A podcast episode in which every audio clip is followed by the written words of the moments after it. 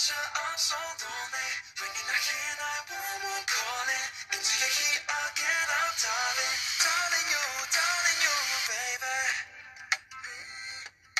round circles, where is the way out? Cause I know that our love was hotter than the sun Yeah, the taste of this tequila I'm drinking now It's bitter than my heart know this, I want to know what problem. Blood type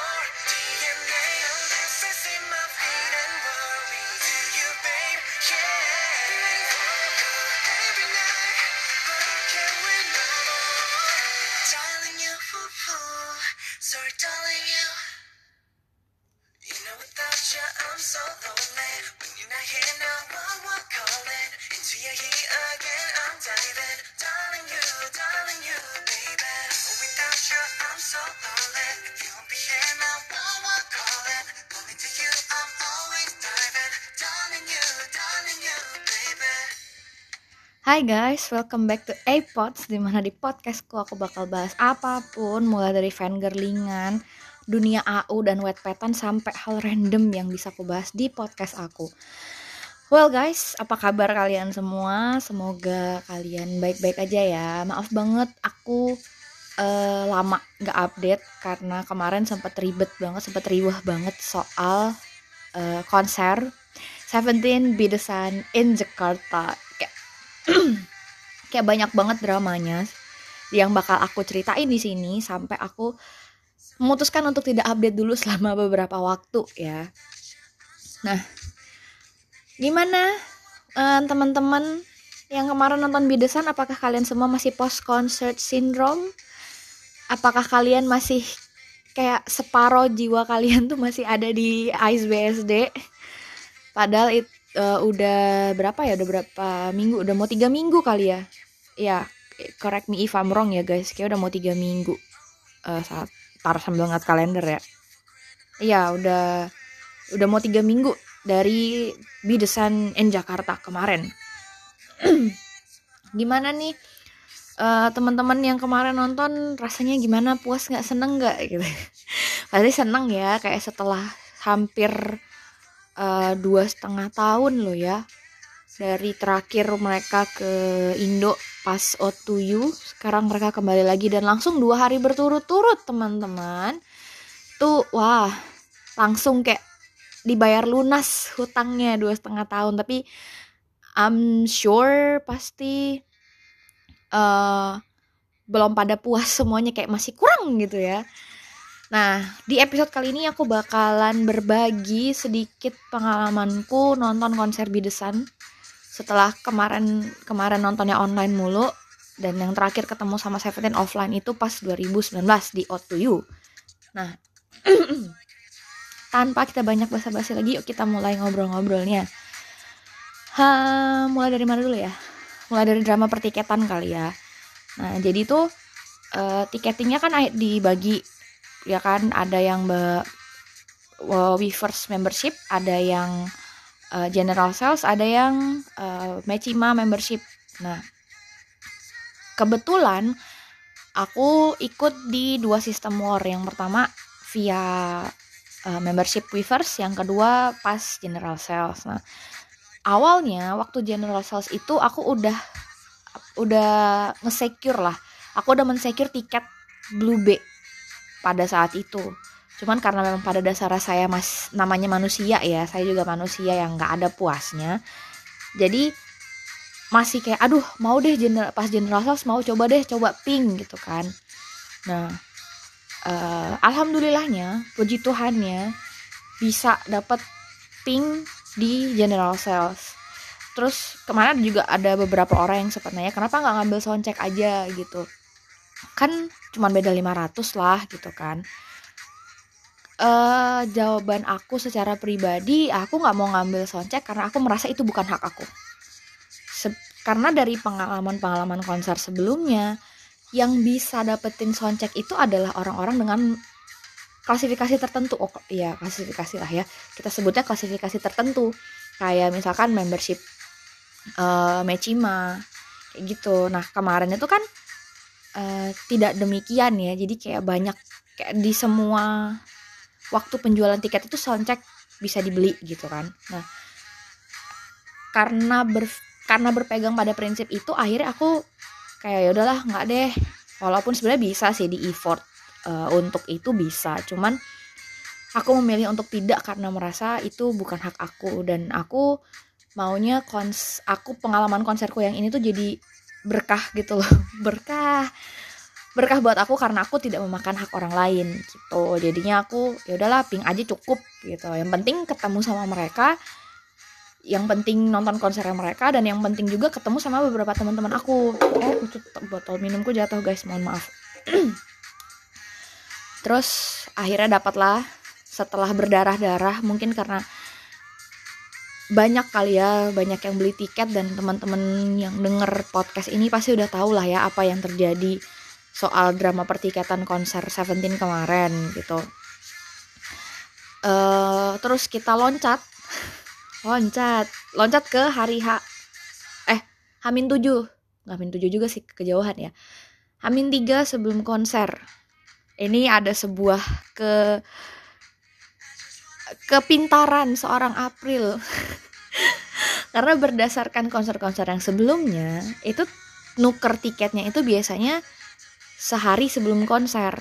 Karena konser kemarin kan tanggal 24 ya 24 25 aku mikirnya oh pasti nuker tiketnya tanggal 23 nih. Booking lah aku penerbangan dari Ternate ke Jakarta tanggal 23 pagi. Dengan harapan adalah aku nyampe sana bisa langsung tuker tiket ternyata teman-teman mungkin kalau yang uh, ngefollow aku di Instagram melihat betapa betapa pintarnya aku tuker tiket tanggal 22 kayak akhirnya putar otak gimana caranya bisa nukerin tiket aku dan tiket beberapa teman-teman aku.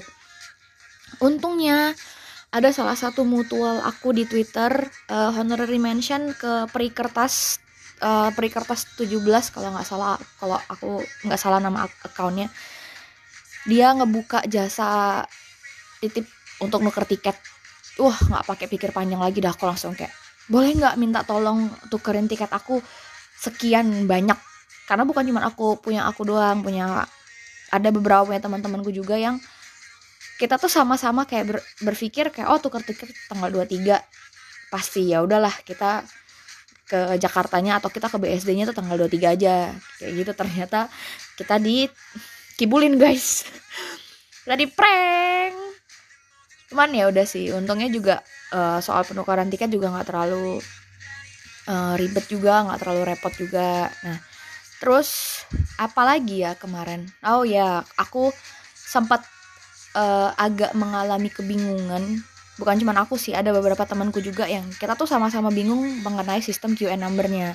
Karena kalau dari pengalaman aku sebelumnya waktu nonton O2U itu Q numbernya dibagi setelah kita dapat eh setelah kita dapat setelah security check kedua. Jadi kayak uh, apa ya kayak nge-scan tiket gitu.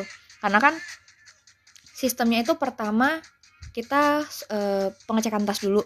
Habis pengecekan tas baru uh, nge-scan tiket kan. Nah waktu 2019 itu seingat aku kita dapat queue number setelah kita nge-scan tiket. Jadi di pos kedua sebelum masuk ke holding area. Nah di di bidesan ini kemarin ternyata QN numbernya udah ada di tiket masing-masing. Jadi kayak uh, misalkan tiket aku ping B tapi QN nomorku nomor 500 sekian gitu. Nah sempat bingung itu nanti itu beneran QN yang dipakai kita uh, masuk ke holding area apa gimana gitu kan. Sempat ada sedikit kebingungan. Tapi untungnya terjawab sudah gitu loh. Terjawab sudah pas kita di dalam holding area. Jadi ternyata begitu kita datang aku kebetulan datang hari pertama itu jam setengah delapan ya setengah delapan jam delapanan lah. Padahal awalnya niatnya aku tuh mau datang pagi mau datang pagi around jam 6 gitu. Terus eh, nggak uh, tahu aja tiba-tiba randomly kok udah setengah delapan aja baru jalan. Dan waktu setengah delapan itu juga orangnya masih belum terlalu rame sih masih belum terlalu banyak. Karena kalau aku hitung dari kayak antrian ular yang di dekat di pintu masuk sebelum masuk ke holding area itu tuh ada aku tuh termasuk barisan ketiga di kayak ngelingker kayak ular gitu kan ular gitu dan aku tuh ada di bagian ketiganya. Jadi kayak lapis ketiga dari barisan itu. Itu masih belum terlalu banyak orang dan masih banyak orang yang masih bisa keluar masuk keluar masuk di tempat itu. Jadi kayak sebelum masuk ke ruangan kaca itu ke dalam ice-nya gitu sih. Dan pas masuk holding areanya ternyata kita masih disuruh duduk bebas aja. Disuruh duduk bebas aja terserah gitu kan. Yang penting kita begitu masuk penting kita duduk ada di section yang tepat gitu. Karena aku sempat salah masuk section guys. Masuk hold salah masuk holding uh, salah masuk barisan di holding area. Jadi kayak tiketku ping B. Tapi karena masuk keburu-buru karena kayak gimana ya kayak pengen dapat barisan di depan gitu di holding area. Aku salah masuk barisan aku salah masuk uh, barisannya ping A. Mohon maaf ya teman-teman yang di ping A tapi untungnya temenku langsung nelfon aku dan ngingetin Pril kamu tuh salah. Ini lo ini tuh ping B dari pintu masuk langsung ke langsung ke kiri aja gitu kan. Kayak hah? Ya gue salah dong nih. Yaudah yaudah gue balik ke sana. Akhirnya balik ke tempat antrian semestinya aku ada di situ gitu kayak aduh ini nih kalau dibilang uh, sawang kayak gini nih sawang sawang banget kayak. Ah tapi nggak apa-apa lah ya. Atau apa yang kita lakukan di holding area ya seperti pada umumnya lah ya makan ngobrol mungkin ada yang tidur. Aku juga sempat tidur kok beberapa menit di situ saking ngantuknya. Terus apa ya? Oh ya kan kemarin sempat ada beberapa yang bilang kayak bawa kipas portable gitu kan.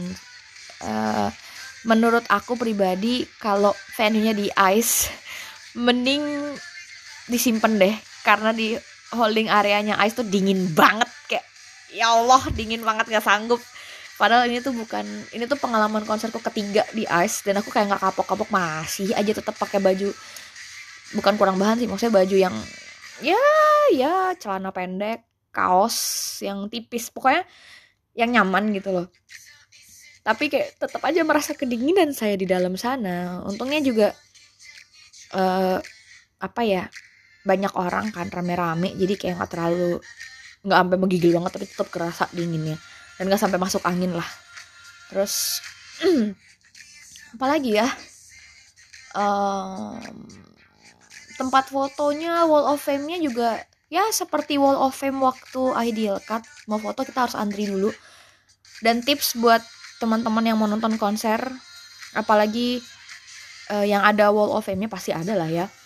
Kalau kalian mau foto di wall of fame sebisa mungkin setelah kalau misalkan wall of fame-nya ada di dalam holding area ya kasusnya sama kayak uh, ideal cut dan uh, bidesan ini sebisa mungkin setelah kalian uh, ngamanin antrian kalian di holding area titip taruh aja tas kalian tapi bawa bawa your personal belongings kayak dompet handphone itu dibawa. Terus langsung aja ke ke bagian tempat fotonya. Karena kalau misalkan kalian tunda-tunda nanti-nanti itu nanti antriannya jadi super mega ultra panjang banget. Itu tuh panjangnya luar biasa panjang waktu kemarin itu. Terus uh, apa lagi ya?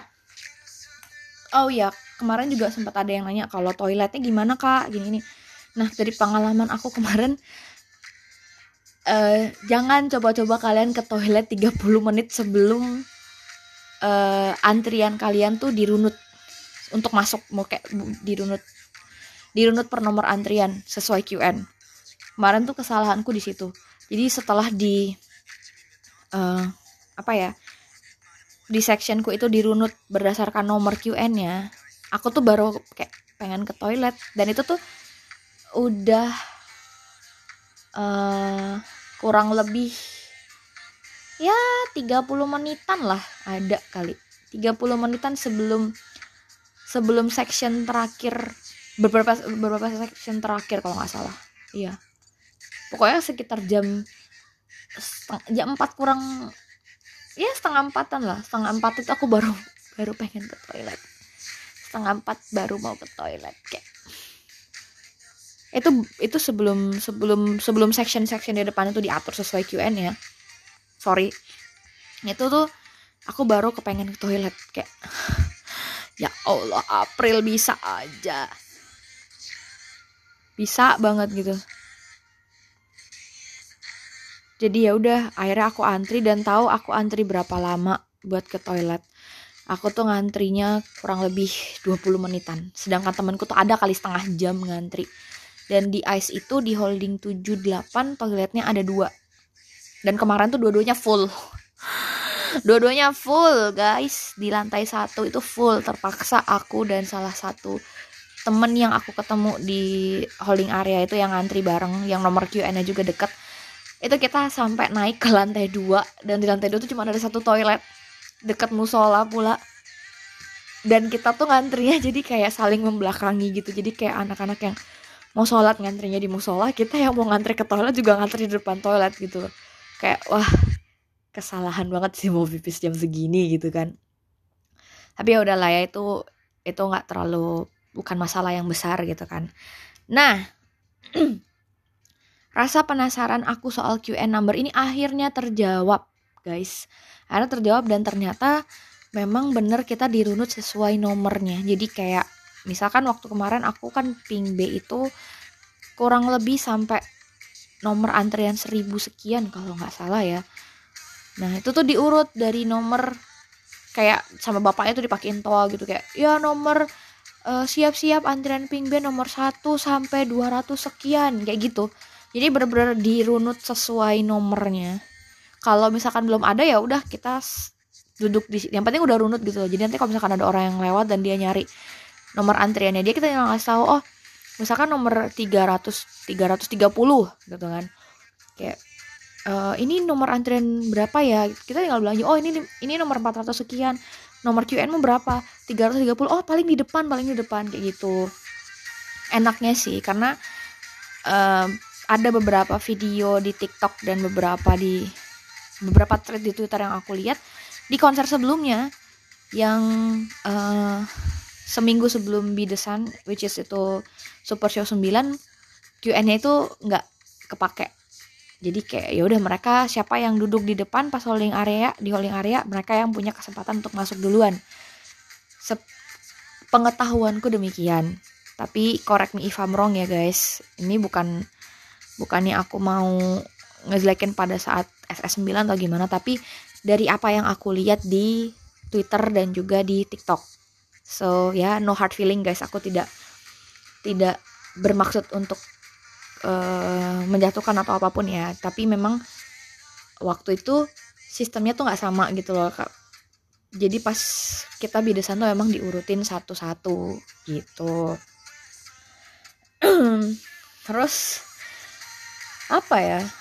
uh, masuk ke jadi pertempurannya itu baru pas kita udah masuk ke konser hallnya. Ke konser hallnya tuh baru deh. Udah nggak ada yang namanya QN number. Udah nggak ada yang namanya QN number. Udah lah begitu masuk udah tercari aja tempat yang menurutmu uh, spot yang menurut kamu enak. Spot yang menurut kamu tuh oh aku tuh pengen di sini. Kayak gitu. Kalau kamu ngincernya beberapa lagu tertentu atau misalkan kayak uh, biasmu misalkan minggu. Minggu lebih banyak di extend ya udah pasti banyak orang yang di extend pasti tujuan pertama kalian tuh di extend cuman pesanku adalah ketika kalian nonton yang standing sebisa mungkin carilah peluang carilah tempat yang punya peluang yang bagus. Kayak cari tempat yang bagus gitu loh. Kayak kemarin aku sama temanku tuh emang kita berencana untuk oke okay, kita cari extend stage ya kalau bisa gitu loh. Kalau bisa kita di extend stage. Begitu begitu masuk aku ngeliat wah gila extend stage udah penuh banget. Karena kalau standing itu buat aku lebih baik kamu ada di depan di depan banget atau kayak di di second row after the the barricade dan the soundcheck peop, uh, the soundcheck peoples gitu kan. Kamu tuh ada di lapis keduanya atau di lapis ketiganya. Kalau kamu udah ada di bagian tengah mending mundur karena pasti bakal kedesak banget pasti bakal apa ya kemungkinan kamu untuk kolaps itu lebih besar. Kayak gimana ya? Kalau kamu di tengah itu either antara kamu bisa untung kedorong ke depan atau kamu bisa kedorong ke belakang. Kurang lebih seperti itu. Jadi kemarin aku dapat tempat yang lumayan uh, lumayan bagus.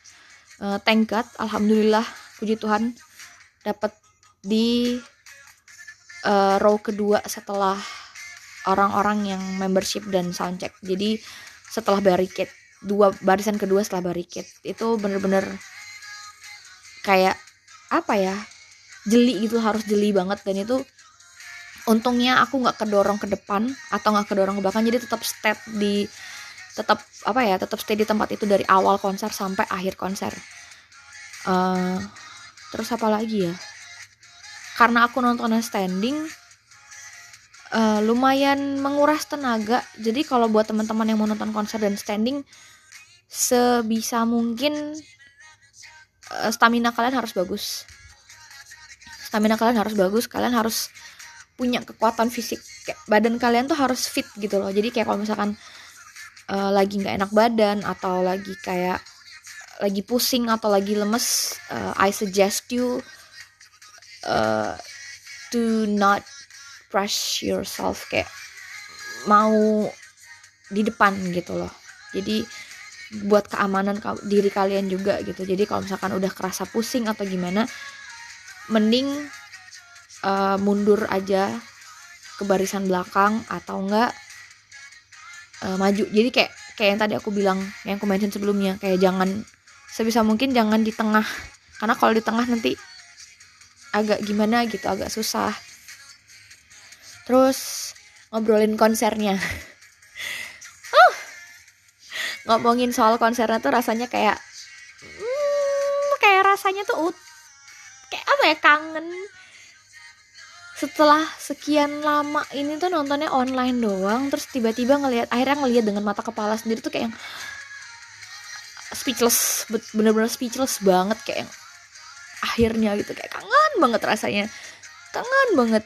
Dan uh, one thing yang aku suka dari section nggak section pink juga sih maksudnya dari dari para carrot yang nonton kemarin adalah mereka tuh bener-bener solid banget. Kayak udah dikasih tahu nggak boleh ngerekam tinggi tinggi nggak boleh um, apa ya pokoknya nggak boleh nggak boleh anarkis lah intinya. Kayak saling menghormati dan saling menghargai sesama carrot yang nonton itu tuh bener-bener kerasa banget. Kayak wah gokil sih suka banget aku. Terus mau mau bilang review member-membernya kayak nggak bisa nge-review soalnya kayak semuanya ganteng semuanya semuanya happy semuanya wah bener-bener kayak nggak ini sih walaupun ada kejadian lucu di mana pas opening uh, apa sih foggingnya Hoshi itu sempat nggak nyala dan dia langsung ngebanting gitu aja. Dan ternyata tuh nggak cuma terjadi di Jakarta guys. Kayaknya di every single first day of their concert itu pasti kayak gitu.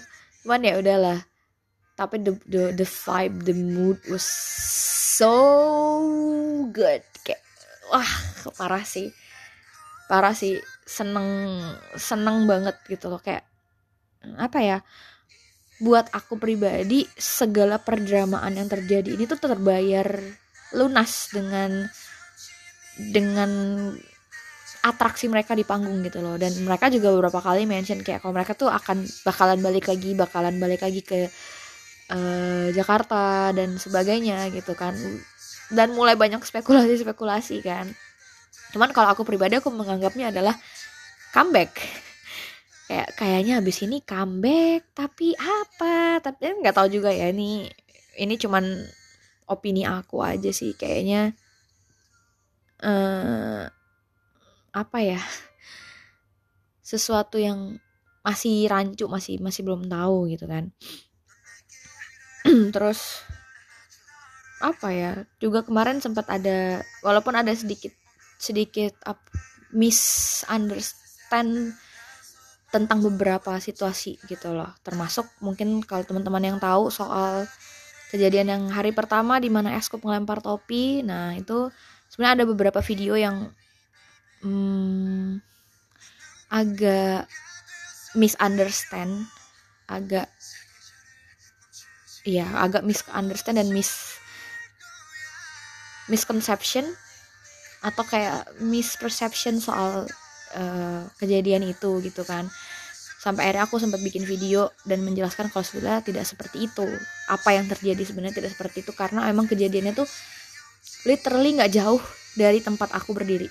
Kan kayak kan tadi aku mention kalau aku tuh ada di second row uh, setelah barricade gitu kan. Nah kejadian itu tuh cuman terjadi dari tiga orang di samping aku dan temenku jadi orang jadi uh, baris kelima ke sebelah kiri dari aku aduh. Kurang lebih kayak gitu dan nggak ada tuh yang namanya uh, dorong-dorongan nggak ada yang namanya saling memaki satu sama lain nggak ada. Malah kita tuh santai saling membantu satu sama lain gitu. Bahkan ketika konser selesai dan Eskop ngintip dari apa ya dari yang kayak segitiga gitu di sela-selanya kayak dia memastikan kita baik-baik aja ya kita juga oh iya, iya we're good we're all good. Kayak karena emang we're all good. Nggak ada nggak ada luka nggak ada apa pun. Bahkan aku sempat nanya ke beberapa orang yang sempat uh, jatuh tuh nggak uh, apa-apa kalian nggak apa-apa apa ada yang sakit apa ada yang gimana? Gitu kan. Karena di tasku tuh ada ada etil klorid yang biasanya dipakai buat atlet kalau misalkan mereka cedera gitu kayak sakit tuh kan disemprot gitu masih seenggaknya masih bisa mengurangi rasa sakitnya lah ya. Udah siap kayak gitu kalau misalkan memang ada yang sakit gitu. Ternyata tidak ada semuanya baik-baik saja semuanya aman. Dan kita abis itu ya udah biasa aja ketawa-ketawa. Bahkan uh, yang dapat topinya honorary mention lagi kajian baik banget sumpah ngizinin aku dan temanku untuk foto sama topi keramat itu ya Allah. Topi topi harum. Topi harum itu. Dan ya well fine we're good. Pokoknya enak sih konsernya kemarin. Terus apa lagi ya? Hmm, saking bingungnya aku menceritakan apa yang terjadi di konser tuh saking banyaknya momen gitu ya. Cuman emang ya seseru itu sih konsernya. Kayak teman-teman kalau mau lihat uh, keseruannya gimana kalian bisa ke instagramku aja at marsha pr lia. Ini nama Instagram sendiri lupa ya Allah. Kalau nggak bisa ke Twitter aku @binisengcol di situ juga ada beberapa fancam yang aku uh, up ke sana uh, atau nggak nanti aku tulis deh di description di description box uh, Instagramku dan Twitterku. Jadi kalian kalau mau lihat fancamnya bisa ke situ aja. Uh, terus apa lagi ya? Sekarang ngebahas soal review konsernya secara keseluruhan. Mulai dari awal sampai akhir gitu ya. Uh, kalau dari awal soal perdramaan tiketnya ya udahlah ya. Kayak saya sudah lelah membicarakan hal itu tapi memang ya udahlah itu pasti akan terjadi ketika grup kamu semakin besar ketika ketika idolmu makin besar otomatis akan semakin banyak fansnya otomatis akan semakin banyak lagi orang yang tertarik untuk datang ke konser mereka gitu. Jadi itu hal yang ya udah gitu kan. Cuman kalau untuk drama-drama yang lainnya tuh mohon maaf nih. Saya sampai tidak bisa tidur. Karena kayak takutnya ke cancel atau gimana karena banyak kan soal tiket yang di cancel tiba-tiba atau gimana gitu tuh itu bikin nggak bisa tidur banget. Terus waktu pelaksanaan konsernya pun juga kalau menurutku rapi dan lumayan cekatan juga staffnya mulai dari uh, securitynya dan yang ininya tuh lumayan cekatan juga karena pas kemarin kita minta air mereka langsung mengusahakan mencari air gitu itu di sectionku loh ya kayak di sectionku. Kemarin di ping B begitu kita bilang pak ada air nggak? Minta e, langsung kayak ada beberapa staff yang ngambilin air nyari nyariin air untuk kita gitu. Pas selesai konser pun juga ya sama walaupun ada sedikit kayak e, keramaian yang eh, gara-gara kita nggak boleh nunggu kayak nggak boleh ngumpul dan gerombol di depan holding area gitu kan. Ya cuman ya udahlah ya kita itu masalah teknis juga. Mungkin mereka disuruh atasan atau gimana ya udahlah kita biarin aja. Atau mungkin kayak crowd controlnya harus eh, nggak uh, boleh antri di situ gitu kan ya udahlah biar uh, itu nggak masalah kita masih bisa pindah ke ke dalam holding area duduk di situ aja nggak apa-apa ternyata. Terus apalagi ya oh ya sempat ada kejadian di mana uh, eh, ayahnya Dino diminta berhenti untuk ngedance. Karena waktu itu kan di snapshot day satu ayahnya Dino sempat diminta untuk uh, ngedance nah kemarin juga sempat ada yang uh, marah ada yang kecewa gitu. Cuman kalau aku pribadi aku melihatnya mungkin petugasnya itu apa ya uh, atau mungkin kayak LO-nya lupa mungkin atau gimana nggak ngasih tahu ke orang tua member atau itu kayak kalau misalkan ada disuruh joget untuk ini atau kayak ada apa-apa harus hati-hati karena ini fondasi apa ya fondasi section standing ini nih tidak sekuat uh, kayak di stadium gitu memang ada beberapa yang menyayangkan kayak yang sampai ini. Cuman aku tidak mau menyalahkan pihak mana pun. Cuman mungkin ini jadi satu pelajaran gitu loh. Kayak kalau misalkan mau uh, apa ya bukan pelajaran juga sih. Aku berpikirnya adalah kenapa dihentikan? Ya karena ini demi keamanan dan keselamatan mereka juga gitu. Karena kan menurut teman-temanku yang nonton di section sitting itu ketika mereka goyangin light stick aja itu tuh kerasa gitu loh kayak berget kayak kayak orang gempa kayak orang lindu gimana sih kayak getar dikit gitu. Nah apalagi kalau misalkan ngedance wah itu pasti ngeri sih pasti bukan ngeri sih kayak agak was-was gitu kayak takut kenapa-napa juga mungkin.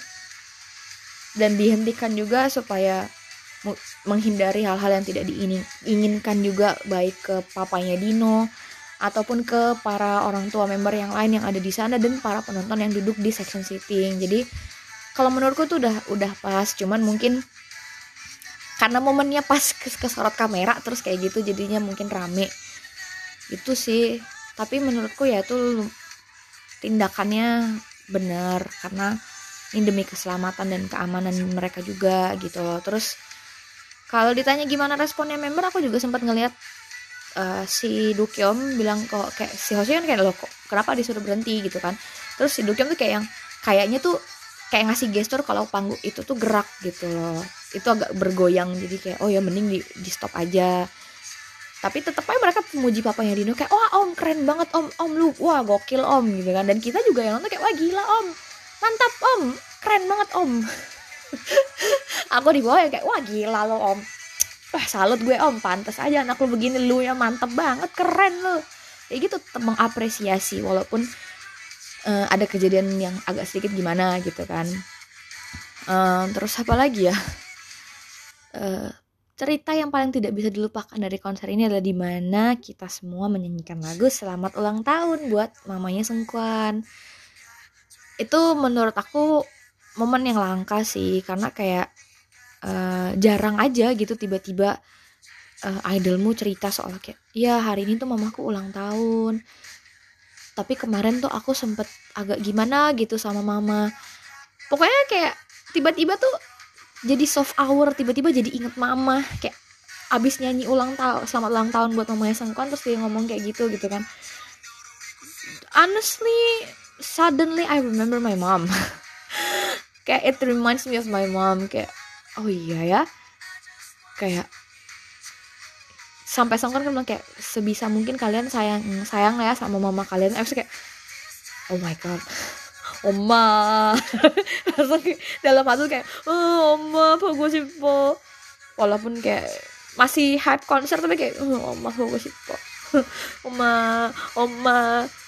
Tapi ya gitu bener-bener momen yang tidak terlupakan gitu loh. Tuh seru sih dan di konser kemarin kan banyak ada beberapa uh, keluarganya member yang datang kan. Ada uh, papanya Wono ada Bohyuk uh, Bohyuk kita adiknya Wono terus ada mamanya Joshua yang sempat kelihatan loh ya. Ada mamanya Joshua ada papanya Vernon ada papanya Dino ada papanya Jonghan ada mama sama kakaknya Sengkuan ada mamanya Minggu katanya. Nah, ada mamanya Minggu dan ada papa mertua saya alias papanya Eskups papanya Sengcol ya. Mau ngapain pak mau ngapain pah? Mau ngunduh mantu pah? Mantu papa banyak banget pah. Nah, itu bener-bener seru sih kayak jarang banget ada konser yang keluar uh, home base atau kayak keluar Korea tapi mereka tuh bawa keluarga juga gitu. Dan setelah itu apa yang terjadi? Mereka kayak mereka liburan atau gimana? Ya let that be their own privacy tapi senang banget bisa konser bersama dengan orang tua member Seventeen tuh kayak wow such an honor walaupun beda section tapi still such an honor. Itu sih. Terus ah kalau ngomongin kayak ngomongin konser tuh kayak tiba-tiba langsung mellow kayak langsung post konsernya tuh kembali gitu. Karena kemarin aku sempat sempat ngalamin uh, uh, post concert syndrome ini tuh hmm, ya kurang lebih seminggu. Dan selama seminggu itu juga suaraku bener-bener habis total. Dan apa ya harusnya tuh episode ini aku record seminggu setelah aku pulang dari uh, bidesan. Tapi ternyata tidak mungkin tidak bisa karena seminggu sebelum eh seminggu setelah itu tuh suaraku bener-bener habis. Bahkan untuk ngomong aja tuh kayak susah banget demi Allah. Kayak kebanyakan teriak. Karena kebanyakan teriak menyampaikan rasa rindu azik berajunais bersama. Bernyanyi bersama. Oh ngomongin soal nyanyi one thing yang aku suka dari Carrot Indo bukan cuma Carrot Indo sih mungkin fans K-pop yang ada di Indo. Kita tuh bukan cuma ngefan kan bahkan kita tuh sing along sama artisnya gitu kayak you know ketika uh, apa ya artis atau penyanyi lagunya tuh dinyanyiin sama fansnya di dalam satu crowd yang besar banget kayak konser they feel appreciate pasti sangat merasa diapresiasi banget mereka bener-bener merasa wah gila nih fans gue tahu gitu. Bahkan bahkan kayak walaupun lagu ini bukan bukan dengan bahasa ibu mereka gitu loh mereka tetap bisa bisa menyanyikan lagu kita dengan bagus gitu loh. Bahkan kemarin kan Dokyom juga bilang kayak wah gila suaranya Keret Indo bagus-bagus. Banyak juga di TikTok yang videoin kayak gitu mulai dari pas kita nonton MV aja udah pada nyanyi-nyanyi nggak jelas. Bukan nggak jelas sih udah pada nyanyi padahal harusnya disimpan suaranya ya teman-teman. Tapi ternyata tidak. Kita tetap nyanyi. Sepanjang konser tuh kita nyanyi. Walaupun liriknya belibet tapi tetap nyanyi. Karena apa pun apa pun kondisinya tetap singklong itu adalah hal yang harus kita lakukan gitu. Tapi sumpah sih emang emang kalau menurut aku dua setengah tahun nggak ketemu itu terbayar dengan dua hari.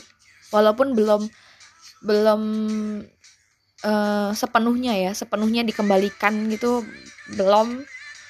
Cuman aku tetap merasa ngerasa bener-bener puas banget. Karena aku bisa ngerasain lagi vibe konser setelah konser offline loh ya.